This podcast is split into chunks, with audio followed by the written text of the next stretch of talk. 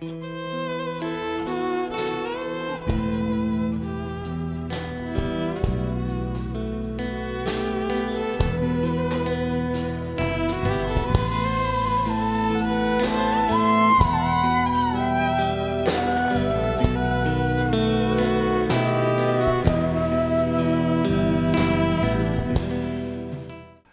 KBG janjane urung cetha. Ilmu pengetahuan manusia menyimpulkan atau mengasumsikan beberapa hal tetapi sesungguhnya semua itu spekulatif. Semua ilmu dari ilmu kedokteran, farmasi dan ilmu apa pun. Kalau kita nggak pakai masker, kita berpikir kayak kayak ono corona. Ning nek wis nganggo masker berpikir janjane kayak kayak ora ono lho jan ming wedi wae. Gitu. Nah, teman-teman sekalian, kita akan mencoba menyisir sejumlah wilayah persoalan yang kita sebenarnya tidak tahu persis. Kenapa kita tetap memenuhi protokol? Karena kita hidup bareng dengan banyak orang yang lain. Kalau kita berlaku sesuai dengan kebenaran yang kita yakini, belum tentu itu maslahat untuk orang lain. Janjane ya wani-wani wae aku arep nabrak nang ndi ndi masalah ora masker ya ora masalah. Mungkin wis latihan makihan kaya ngono. Wis ketemu setan, ketemu jin, ketemu tai, ketemu alas, ketemu gunung, ketemu segala macam. Nek karo corona janjane ora masalah ku lak meng loro sawan to. Gitu.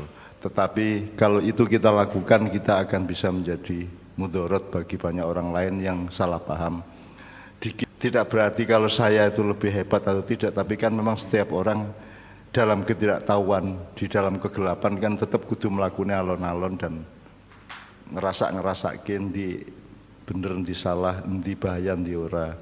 Oleh karena itu yang kita lakukan sekarang adalah kita tidak melanggar apa pun secara kewarganegaraan maupun secara sosial agar supaya tidak menjadi malpraktek sosial massal supaya tidak menjadi bahaya bagi orang lain yang salah paham terhadap perilaku kita.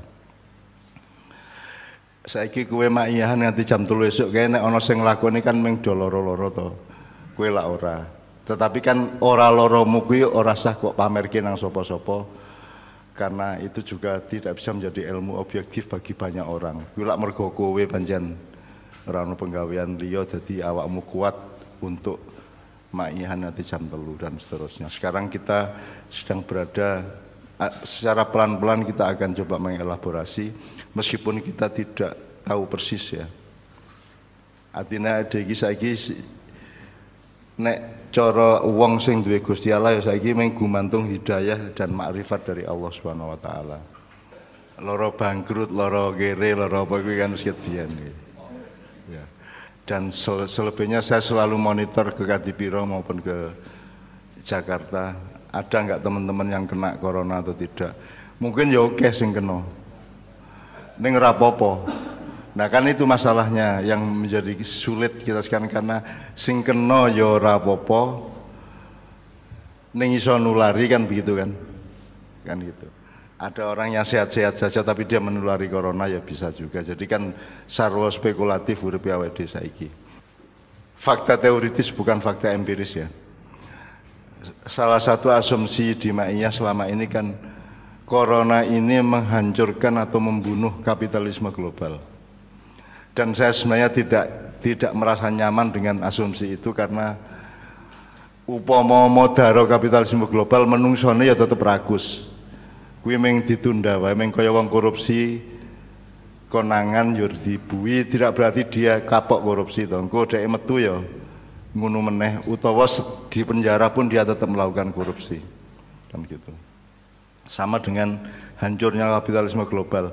Dan sekarang menurut saya para kapitalis global tidak sedang hancur tapi sedang menunggangi situasi corona. Nah ini sejumlah fakta harus kita cari dan sejumlah informasi sudah saya terima meskipun saya bukan ekspert dan bukan bidang saya untuk membicarakan masalah itu tapi saya sudah mendapat informasi-informasi. Jadi sekarang tidak mungkin, tidak mungkin kapitalisme global hancur hanya karena corona. Mereka pasti memanfaatkan corona karena rumusnya menungso iki loro rek. Siji, kue gelem ngetokke duit piro ae nek atimu seneng. Ya tau misalnya kue jomblo untuk calon yang calon bojo gue kon kok gue apa lah kok kok gue sembarang kok tok jadi kalau orang sedang jatuh cinta dan senang itu ngetok ke duit piro wae gelem. Nomor loro wong nek wedi. Wong nek semedi mati biar apa wae dituku karo dhek. Asal tidak mati. Nah, situasi manusia di dunia sekarang kan dalam keadaan ketakutan sehingga ini adalah pasar yang luar biasa bagi para kapitalis corona.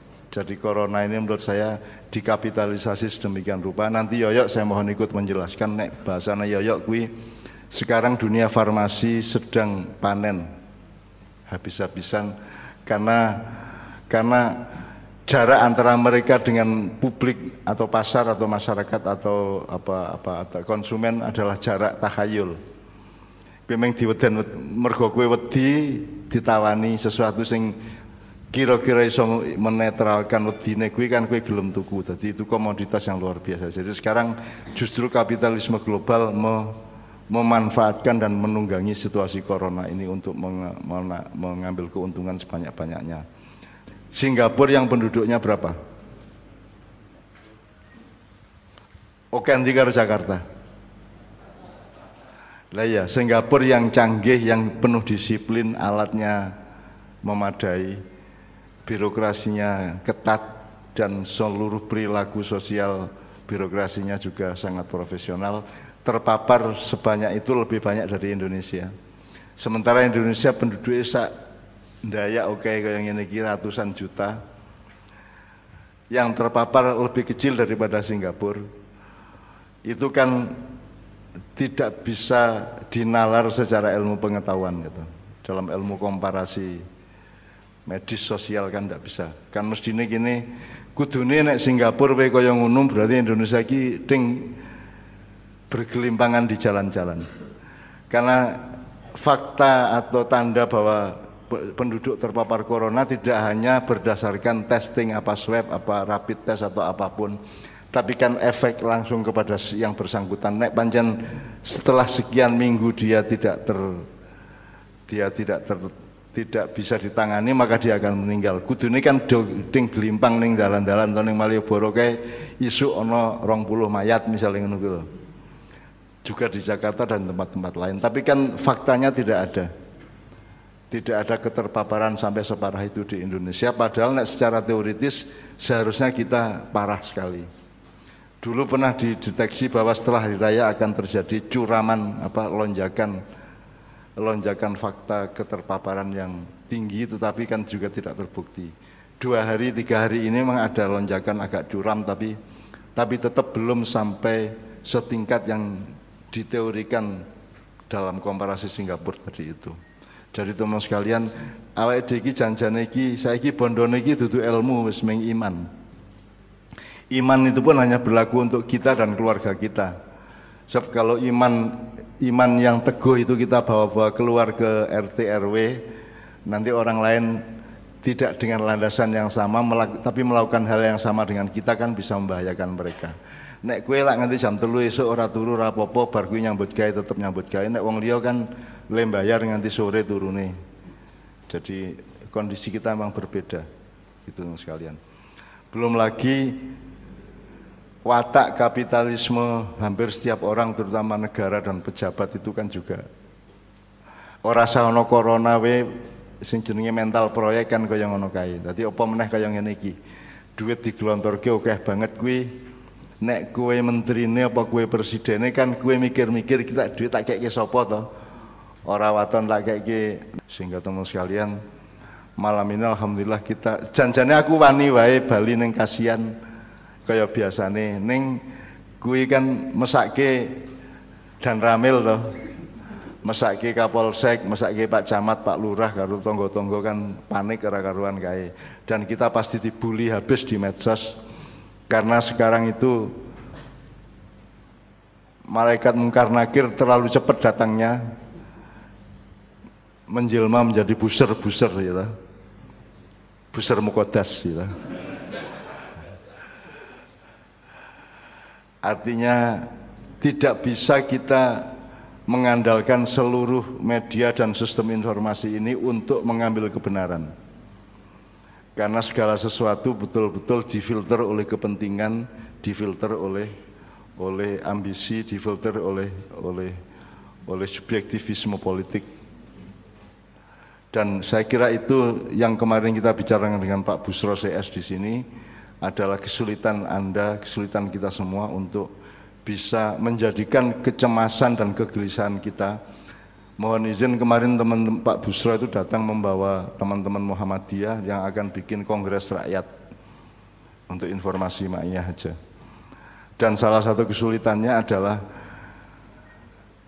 nek wong sak Muhammadiyah sak Indonesia mikir kaya Pak Busro aku wani tak tandangi. Intinya kan sebenarnya memang sudah parah sekali Indonesia ini. Kita itu sudah membunuh anak cucu kita sedemikian rupa dan melemparkan ibaratnya kita ini kucing, anak kucing kita itu kita lemparkan ke hutan yang penuh serigala dan musang. Kan gitu ceritanya. Melalui undang-undang, melalui aturan-aturan, melalui polisi politik dan seterusnya. Dan kemarin Pak Busro CS mengemukakan banyak sekali hasil-hasil penelitian yang menggambarkan betapa kita sendiri yang memimpin Indonesia ini melakukan perampokan-perampokan besar tidak terhadap hari ini tapi juga terhadap masa depan SDA dan SDM Indonesia. Artinya alam kita yang kaya raya ini kita gadaikan dan kita buka habis untuk perampok-perampok dan dilindungi oleh pasal-pasal. Sedemikian rupa. Nah, tapi kecemasan itu kan hanya kecemasan Pak Bustro dan beberapa teman Muhammadiyah belum merupakan kecemasan PP Muhammadiyah. Sebab naik ketua PP Muhammadiyah tenan po wani pengomong kaya Pak Busro ayo rawani. Apalagi seluruh masyarakat Muhammadiyah kan juga tidak tidak berarti mereka berpendapat yang sama. Kalau kecemasan mengenai perampokan masa depan Indonesia itu adalah kecemasan publik, kecemasan bersama, kegelisahan Muhammadiyah NU, Nahdien dan Muhammadiyyin bersama-sama, maka tidak akan mengalami kesulitan untuk melakukan perubahan di Indonesia. Ternyata urusan corona di Indonesia ini tidak berpusat pada ilmu pengetahuan kedokteran, prakteknya tak ya jadi teman-teman virolog, ID, para dokter dan para pakar di wilayah-wilayah endemi, endi, en, endemi, endemiologi apa gue? Pandemiologi apa apa gue? Ya di wilayah itu kan tidak diajak serta untuk ikut menangani. Mereka kan tidak tidak menjadi pelaku utama dari urusannya. Padahal ini kan jare jare wis ono universitas karo fakultas. Nek wis urusan kayak gini kan kudune sing nomor siji kan farmasi dan kedokteran kan gitu. Tapi ternyata mereka tidak dilibatkan sebagai pakar atau sebagai ilmuwan. Yang dilibatkan adalah perusahaan-perusahaannya atau lembaga-lembaga bisnisnya yang difilter berdasarkan bisa mau atau tidak bekerja sama untuk menunggangi kapitalisme corona global ini. Itu. Jadi teman sekalian, sekali lagi kita berada di dalam posisi yang lebih gelap dari sebelumnya. Oleh karena itu, sekarang kita sudah mendapatkan wabal dari Allah, tapi kita ikut kena asapnya kan begitu. Nah sekarang kita mohon kepada Allah agar agar agar agar kita oleh Allah karena menurut karena Allah sendiri berjanji bahwa orang siapa bersamamu Muhammad maka dia akan bebas dari azabku dan ada banyak sekali kepercayaan kita kepada janji-janji Allah dan itu kita lakukan terus. Mudah-mudahan makiyahan malam hari ini bisa membuat Anda lebih segar di rumah masing-masing. Dirasake cangkemmu biyen jerone tenggorokanmu Selama corona ini saya seger, seger sekali. Isis cangkemku ki isis mbok kaya ana apane kae. Eh? Jadi cangkem ki isis terus kalau penak terus kalau sak tenggorokane kuwi. Saya kira karena rokok itu. Karena para petugas kesehatan di Perancis lengannya diboboki nganggo mbako terus dilapisi apa karena mereka melihat bahwa penderita corona sangat sedikit jumlahnya yang berasal dari dunia perokok. Itu. Dan saya sedang menunggu hasil penelitian itu. Saya kira penelitinya nanti akan dibully habis juga itu. Kalau dia mengumumkan. Nah, sekarang itu saya sudah mendapat informasi bahwa sejumlah dokter sudah menemukan sejumlah hal, tapi mereka tanya kepada saya, "Iki wani apa ora cah iki tak omongke ke publik ini." Yo josek saya bilang gitu, josek engko ndak kowe nek kowe sekti mondro guna Nabi Khidir ya ora apa-apa, nek kowe meng nek kowe dudu Khidir ya aja. Bismillah sekarang kita wabalan dulu. Bismillahirrahmanirrahim. Ya Allah mudah-mudahan orang-orang yang mencintaimu engkau lindungi dari hal-hal yang engkau timpakan kepada orang-orang yang khianat kepadamu. Amin ya rabbal alamin. Al-fatihah. A'udzubillahi minasyaitonirrajim. Bismillahirrahmanirrahim. Alhamdulillahirabbil maliki yaumiddin Iyyaka na'budu wa iyyaka nasta'in ihdinas siratal mustaqim siratal ladzina an'amta 'alaihim ghairil maghdubi 'alaihim waladdallin amin Teman-teman sekalian wabal ini kan kita ajukan kepada Allah kira-kira dua tahun yang lalu ya. Kita mulai di KJ kalau tidak salah apa di mana? Eh? 2016. Jadi wabal itu kan kosakata yang baru dipakai oleh Ma'iyah ini selama ini kan tidak pernah dipakai. Yang kita pakai kan ikan bawal, bukan wabal. Newabal itu kan sebenarnya balasan Allah. Jadi Allah itu kita di maknya terang-terangan aja Allah itu maha pembalas. Jadi Allah itu yang balas balas dendam. Meskipun dendamnya Allah beda dengan dendam yang kita kenal, tapi Allah itu maha pembenci dan maha pendendam. Kita di sini terang-terangan aja meskipun hati-hati terhadap, tafsir dan pemahamannya. Karena selama ini khasana Islam tidak pernah berani mengatakan bahwa Allah itu benci Allah itu bales itu ora tahu. Padahal ihdina suratul mustaqim suratul ladina an'amta alaihim itu kan juga berupa balasan semuanya. Nah, masalahnya adalah kita mencoba memberanikan diri untuk berhati-hati terhadap kadar tafsir dan wilayah atau akurasi tafsirnya bahwa Allah Maha Benci itu Anda bisa dilihat di Al-Quran. Anda search kata benci atau kebencian akan sangat keluar sejumlah ayat yang menyatakan bahwa Allah itu bahkan bencinya kepada orang yang dia benci melebihi benci manusia kepada sesamanya. Sangat besar kebencian di sisi Allah, lebih besar dari kebencianmu sendiri kepada mereka. Terutama kepada orang-orang yang dikasih jalan yang benar tapi memilih jalan yang salah kan itu. Itu saya kira rumus sama Al-Quran. Jadi kita tidak segan-segan. Jadi selama ini kalau di dunia ini kita ngomong cinta kan berarti kan tidak boleh benci. Padahal cinta dan benci itu kan jodoh. Benci adalah cinta yang dilukai, kira-kira kan seperti itu kalau pakai dialektika psikologi ya. Jadi benci itu tidak apa-apa karena benci itu tanda cinta. Allah sendiri maha mencintai Rahman Rahim tapi Allah juga maha benci. Allah juga maha pembenci. Anda lihat nanti di Al-Quran di rumah bahwa Allah maha pembenci dan Allah sangat membenci orang-orang tertentu atau hamba-hamba tertentu yang melakukan atau mengambil sikap tertentu. Itu ada rumusnya, ada regulasinya dari Allah sendiri. Nah, maka kita berani untuk mohon wabal kepada Allah karena Allah maha membalas. Nah sebenarnya yang sudah kita alami adalah bahwa Allah mengabulkan sama dengan sebelum reformasi saya bikin puisi doa doa mohon kutukan dan akhirnya kita dikutuk bener ini seluruh Indonesia. Kita ya Arab dandan-dandan jebul luwih parah timbangan sing didandani gitu ya.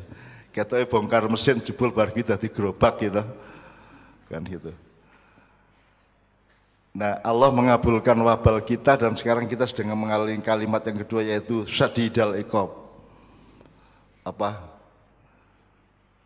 hukuman yang sangat dahsyat modern aku saiki Rono rene raiso ya ta nyambut gawe modern saiki ngenteni pembagian sembako ya ta ora iso iku apa-apa perusahaan besar kecil bangkrut semua kecuali sejumlah blessing in disguise di dalam ekonomi min haitsu layak tasib tapi rata-rata kan bangkrut perusahaan besar kecil di bidang apa pun saja kan rata bangkrut sehingga ada asumsi bahwa kapitalisme global sedang hancur padahal mereka juga tidak mau hancur dan kapitalis-kapitalisnya memanfaatkan atau menunggangi keadaan ini untuk menciptakan satu globalisasi kapitalisme yang baru.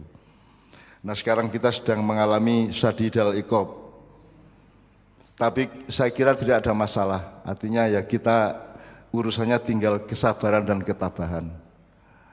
Kan kan juduni juduni wong takwa ki ya karo kesabaran karo ketabahan kuwi. Nah, saya kira Allah sudah mulai menunjukkan tahap ketiga yaitu ya dal adli wal kisti. Yo yo memang merata ini corona seluruh dunia, tapi kan tetap ada telek manuk istilah saya. Telek manuk ki ngene. Gue nek liwat alun-alun, liwat kantor pos Malioboro kayak ono apa jenenge ono kawat listrik juru keh manuk gereja keh banget kan ono sing ketelekan. Yang disebut nasib adalah sopo sing ketelekan gitu. Ono sing ketelekan, ono sing ora kan gitu. Jadi itu meng, meng urusan telek manuk. Nah sekarang adli wal kisti, al adli itu adalah keadilan dalam dalam perspektif yang luas, tapi kalau al kisti keadilan dalam perspektif yang spesifik. Jadi orang meng global tapi juga detail. Jadi adlun itu ya adil nabi menyeluruh universal, tapi kalau kistun itu keadilan dalam arti yang spesifik. Jadi orang mungkin Gusti Allah orang, orang adil secara detail. Innallaha la yastahi ayyadriba masalan ma ba'udatan wa ma fawqaha. Artinya sampai sampai sekecil nyamuk pun Allah itu ngurusi sedemikian rupa sehingga sekarang saya mohon kepada Allah dan memang sudah dikabulkan pelan-pelan bahwa teman-teman Ma'iyah mendapatkan adlun wakistun. Artinya kue ora ora kena ya kue mengalami syadidal ikop tapi kan tetap tetap adlun wakistunnya juga akan menolong kita bersama-sama. Tuhan Maha Adil dan keadilannya itu universal dan detail sekaligus. Ya dal adil wal kisti. Ya, ini kita lantunkan sebisa-bisa dan nanti kita akan lihat katakanlah akhir tahun kita akan bisa melihat apa akan punya kesimpulan-kesimpulan baru mengenai sekarang kan kebenaran ma'iyah sedang diuji oleh keadaan-keadaan global ini. Nah sekarang kita belum bisa menilainya, belum bisa sombong, belum bisa kecil hati, belum bisa minder, belum bisa putus asa karena belum belum sampai ke babak final. Kita baru ke babak penyisian, ini baru mengalami babak penyisian. Sehingga kita nanti akan sampai kepada waktu di mana kita akan akan apa namanya? akan tahu sejumlah hal nanti baru bisa kita klaim minimum untuk diri kita sendiri yang sekarang sudah kita lakukan ya dal wabal. Ya syadidal ikob ya dal adli. Wa ya dal wa ya dal kisti. Oke tok sekarang saya serahkan kepada Mas Toto atau Mas Helmi untuk memulai. Salah satu yang saya usulkan untuk web caknun.com adalah tanya jawab atau diskusi. Tapi terkontrol dan terukur. Karena selama ini kan satu satu anu satu jalur komunikasi. Hanya kita dari kita tok tapi tidak ada yang hanya hanya terbuka rubrik menek blimbing saja yang dari jamaah. Nah ini saya minta apa mungkin baik kalau kita buka lebih lebar pintunya meskipun tetap dalam kontrol karena kita tidak mau jadi milis liar kita tidak mau menjadi medsos yang tanpa yang yang apa namanya yang mengumpulkan para pemakan bangkai kalau di Al-Hujurat Gusti Allah wis wis dawuh ojo rerasanan, ojo rerasanan, ojo membuli satu sama lain langsung atau tidak langsung. Oleh kata ba'du ba'du. Apakah di antara kalian suka untuk memakan bangkai saudaranya sendiri? Apa menikmati keburukan orang lain melalui mulut kita atau di dalam hati kita atau kita mencari uang sebanyak-banyaknya, menari-nari di atas mayat orang lain. Nah sekarang ini kan yang saya sebut tadi, justru kapitalis-kapitalis global nasional sedang menari-nari di atas mayat-mayat korban corona dan ketakutan orang terhadap corona. Itu nama garis tumuh itu di Al-Hujurat ayat berapa 12 ya, coba coba. Ayyakulalah ma'akhihi maitan fakarih tumuh. Iya. Wattakullah innallaha tawwabur rahim. Ayo, artinya. Wahai orang-orang yang beriman, uh, saya dari awalnya jauhilah banyak dari prasangka. Sesungguhnya sebagian prasangka itu dosa dan janganlah kamu mencari-cari kesalahan orang lain dan janganlah ada di antara kamu yang menggunjing sebagian yang lain. Apakah ada di antara kamu yang suka memakan daging saudaranya yang sudah mati? Tentu kamu merasa jijik dan bertakwalah kepada Allah. Sungguh Allah Maha penerima taubat, Maha penyayang. Ya sekarang medsos dan internet itu kan sangat dipenuhi oleh para pemakan bangkai itu maksud saya ya. Kalau dari idiom ayat Al-Hujurat ayat 12 itu pemakan bangkai jadi senang banget menikmati kehancuran orang lain. Senang banget apa namanya menghancurkan orang lain, senang banget melakukan karakter assassination atau pembunuhan karakter atau DMH-isasi atau demaknyaisasi atau segala macam yang sebenarnya sedang kaya kue kaya anu lah kue kaya jadi orang jadi kanibal. Kalau kanibalisme itu kan makan daging sumantoisme kalau ya. Makan daging langsung kalau ini kan makan karakternya makan jiwanya makan hidupnya makan sejarahnya kan gitu. Nah itu sekarang ini kan juga halangan kita untuk berubah di Indonesia itu adalah itu itu tadi karena banyaknya pemakan bangkai yang berkeliaran di mana-mana dan kue arep jane Gusti Allah ya dibuli terus ning mengerawani wae itu. Terus Gusti Allah ki ngalah terus kalau. Janjane dibuli terus.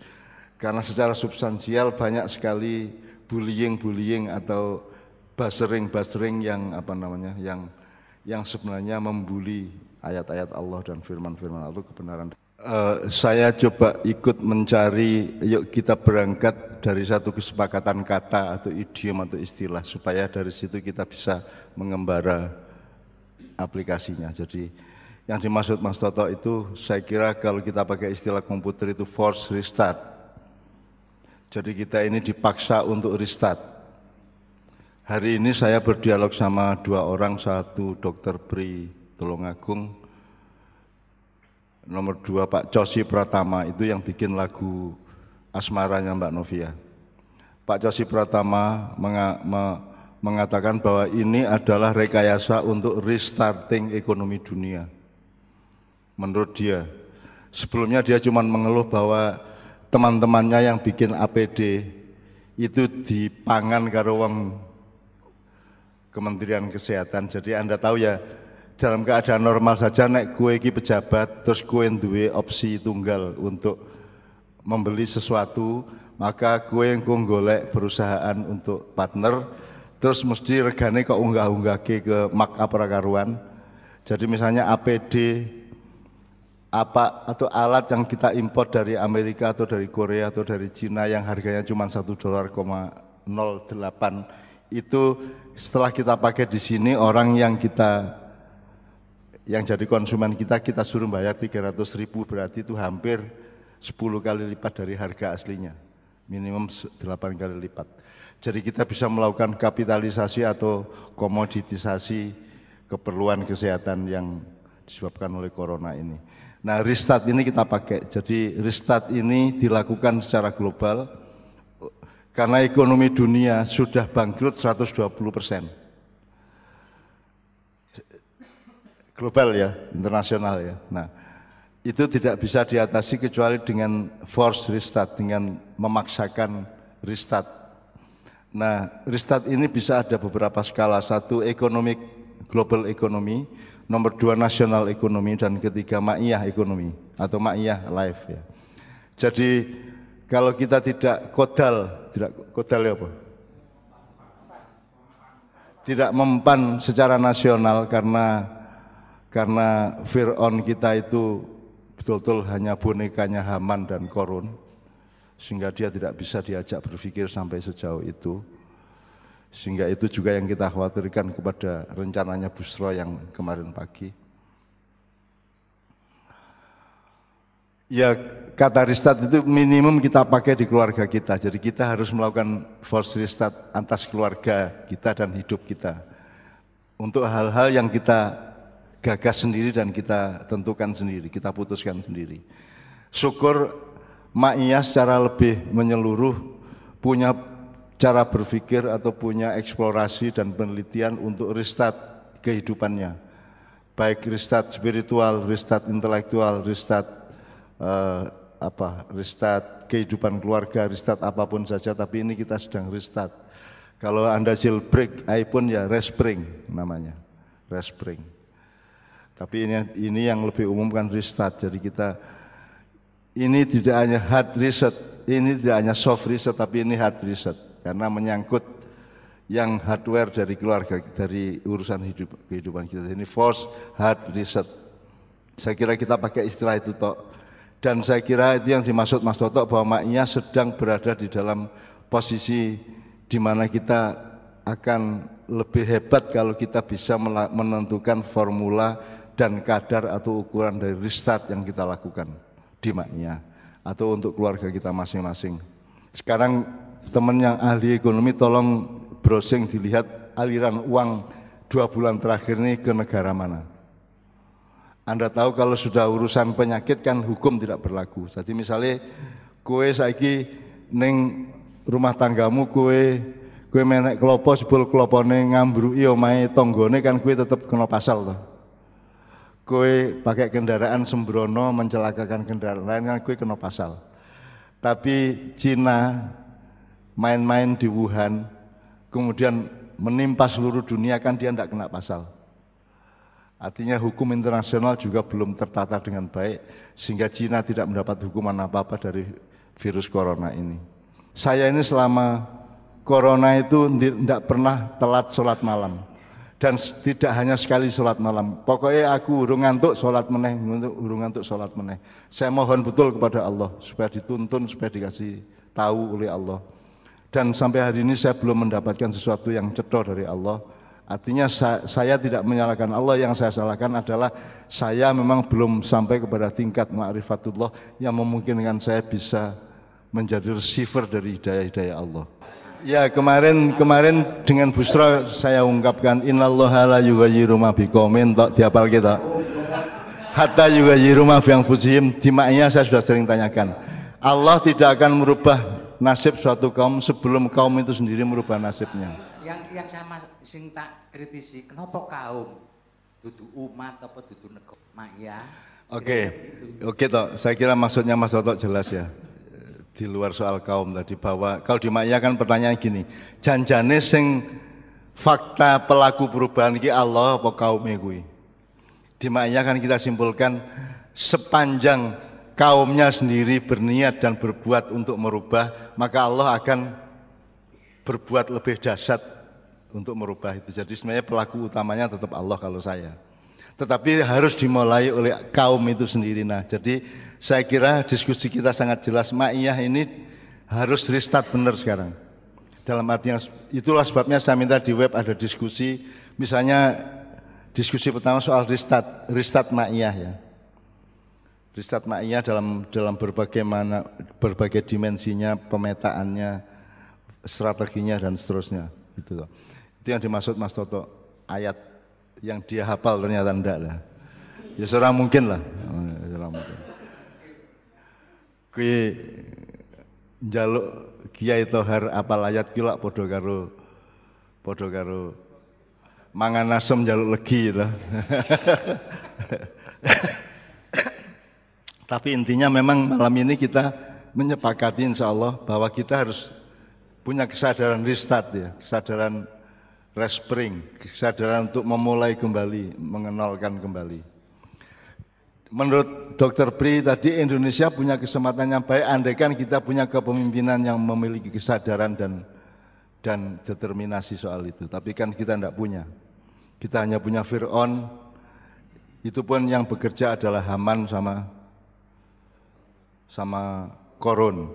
Nah, oke okay, saya transfer ke Helmi untuk soal diskusi di web itu menyerap sebanyak mungkin pemikiran teman-teman Ma'iyah soal restart.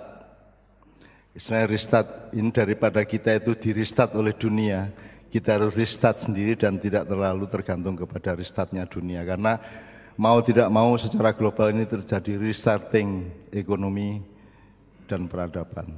Nah kita harus restart sendiri. Syukur ada peluang untuk restart Indonesia. Kalau tidak ya sing kaum tadi. Jadi malam ini ada tafsir yang memastikan bahwa maknya itu sebuah kaum. Kaum itu pedomannya adalah sangat substansial dan esensial. Sebagaimana dalam Islam dikenal bahwa ada masjid hardware, ya masjid-masjid kaya, ada masjid yang sifatnya software. Di mana saja engkau bersujud, di situ menjadi masjid kan gitu. Namanya saya kira adalah yang kedua itu. Di mana saja kita bermaknya berarti Anda adalah bagian dari teritorial maknya. Gitu. Itu kemudian teman-teman sekalian, nek saiki salah satu bayangan simulasi restart tadi itu pada penghidupan kita masing-masing. Kita perlu mengidentifikasi kalau yang saya kenal itu ada empat level iya bisa dari diri sendiri dan keluarga dan seterusnya. Nah ada empat level walayah hel. Walayah itu kewalian atau wali-walinya Allah. Orang-orang yang menjelmakan Allah di dalam hidupnya. Jadi disebut wali Allah itu ana wali Allah sing penguripane iki ngemis ki sing paling level keempat ya. Jadi kudu ngemis rono rene. Dan saya ketemu sama wali-wali pengemis ini sangat banyak. Di zaman kecil saya maupun remaja saya dan saya kenal namanya dan saya kenal daerahnya. Kemudian ada wali Allah yang min haitsu tasib wali Allah yang yang penting dia ikut berbuat baik ibadah sergap maka maka akan dipermudah Allah untuk mendapatkan ya, itu rumus al apa surat apa ki hel? Sing mayatagila yaj'allahu makhrajan wa yarzuqu min haitsu la yahtasib. At-Talaq ayat 2 dan 3 itu wali tingkat kedua. Wali yang tingkat ketiga adalah ibunya Nabi Isa. Jadi Kue iki urip ora urip karo keluargamu iki disuguhi karo malaikat Jibril langsung. Jadi sekarang ini kan kita mengalami kesulitan, ono sing sulit banget, ono sing sulit, tok, ono sing agak sulit, ada yang mudah, tergantung tingkat kualitas walayah di dalam jiwa kita masing-masing. Nek kaya ibu Nabi Musa kan kudu lockdown di dalam kamar tau ora tau metu nang dindi, Neng, neng Jibril selalu datang membawa makanan sehari tiga kali. Apik banget tuh nek gue karo anak bojomu ning omah wae Jibril teko ngeteri lotek gitu. eh? Eh? Sambil YouTubean teko kiriman juga malaikat Jibril kan apik banget. Tingkat yang tertinggi adalah tingkat khidir dia kun fayakun saja pokoknya harap mangan opo mangan neng di kuwi sak karep-karep PDE akan dikabulkan oleh Allah Subhanahu wa taala. Nah, teman-teman sekalian kita berada di mana? Saya kira kita tidak akan mengemis-ngemis juga tapi kita akan bekerja. Apa pun saja yang bisa kita lakukan kita tetap bekerja. Anda tahu saya sudah ini sekarang sedang menyel, sudah selesai penulisan buku puisi saya yang terbit selama corona Sebelumnya sudah ada dua buku yang terbit baru satu, berarti ada tiga buku ya ya. Jadi ini sekarang sedang di layout buku puisi yang saya tulis selama lockdown ini. Sebanyak 99 puisi plus 33 puisi. Jadi 132 puisi. Sekarang sedang di layout dan sedang ditimbang-timbang gimana gimana hurufnya, font apa, terus judulnya nganggo hiasan piye piye itu sedang ditimbang-timbang. Nah, itu tidak menghasilkan uang teman-teman sekalian, tetapi kan saya membuktikan kepada Allah bahwa saya bekerja, bahwa saya melakukan apa yang Allah amanatkan dan saya menyampaikan apa yang Allah titipkan kan gitu. Nah maka Allah akan membalas insya Allah min haitsu layak tasib. Karena rumus ayat atau lak 2 dan 3 itu. Saya kira itu ekstra bukan informasi ya ekstra penglihatan saya aja bahwa ada empat macam walayah itu empat level ada seorang wali di daerah Mojokerto di masa saya kecil yang kerjaannya itu pulang satu bulan tapi pergi satu tahun lah kira-kira gitu. Nah selama dia pergi dari pesantrennya itu dia mengemis ke mana-mana berpakaian sangat jelek, kumuh dan dia ke mana-mana mengemis. Terus nanti bulan kesekian dia balik ke pesantrennya. Terus nanti sebulan kemudian dia balik lagi mengemis lagi. Terus ada juga waliullah yang menjadi gelandangan di sebuah pasar di Pasuruan.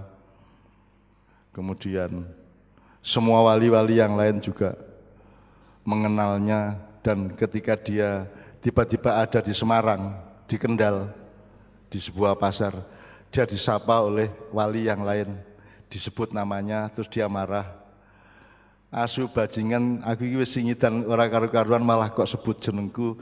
Nek ngono tak mati wae, wis mati deh. Apik ya Mas iki. Apik banget iki. Jadi nek wali ngomong wis tak mati wae, mati Mas.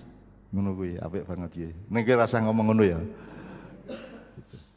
Jadi itu kisah-kisah yang orang sekarang akan membuli, yang orang sekarang akan akan menyepelekan.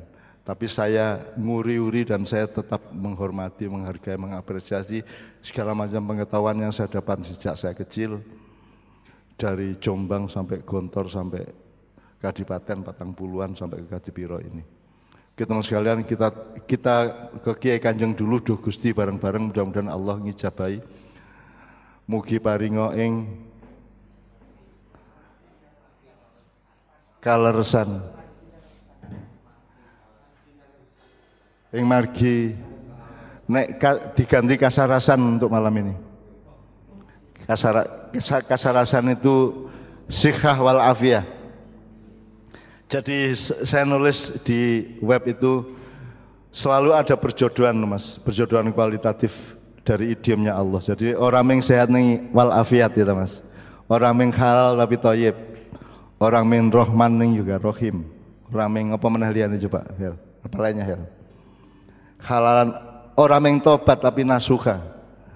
Jadi selalu ada kelengkapan kualitatif. Orang yang sehat tapi afiat nek sehat itu kan medis. Kalau afiat itu kesejahteraan amalan orang yang amal ning kudu soleh. Orang yang sehat ning kudu afiat. Orang yang uh, Orang yang baldatun batun tapi juga rubun gofur kan gitu. Jadi selalu ada perjodohan-perjodohan yang luar biasa di dalam petunjuk-petunjuk Allah di Al-Quran. Nah, untuk ini sekarang biasanya mugi paringo ing margi kalersan kita mohon kepada Allah kasarasan. Kasarasan dalam arti medis, kesehatan badan maupun kesehatan kehidupan secara keseluruhan. Amin ya rabbal alamin. Yuk teman-teman kanjeng Bismillahirrahmanirrahim.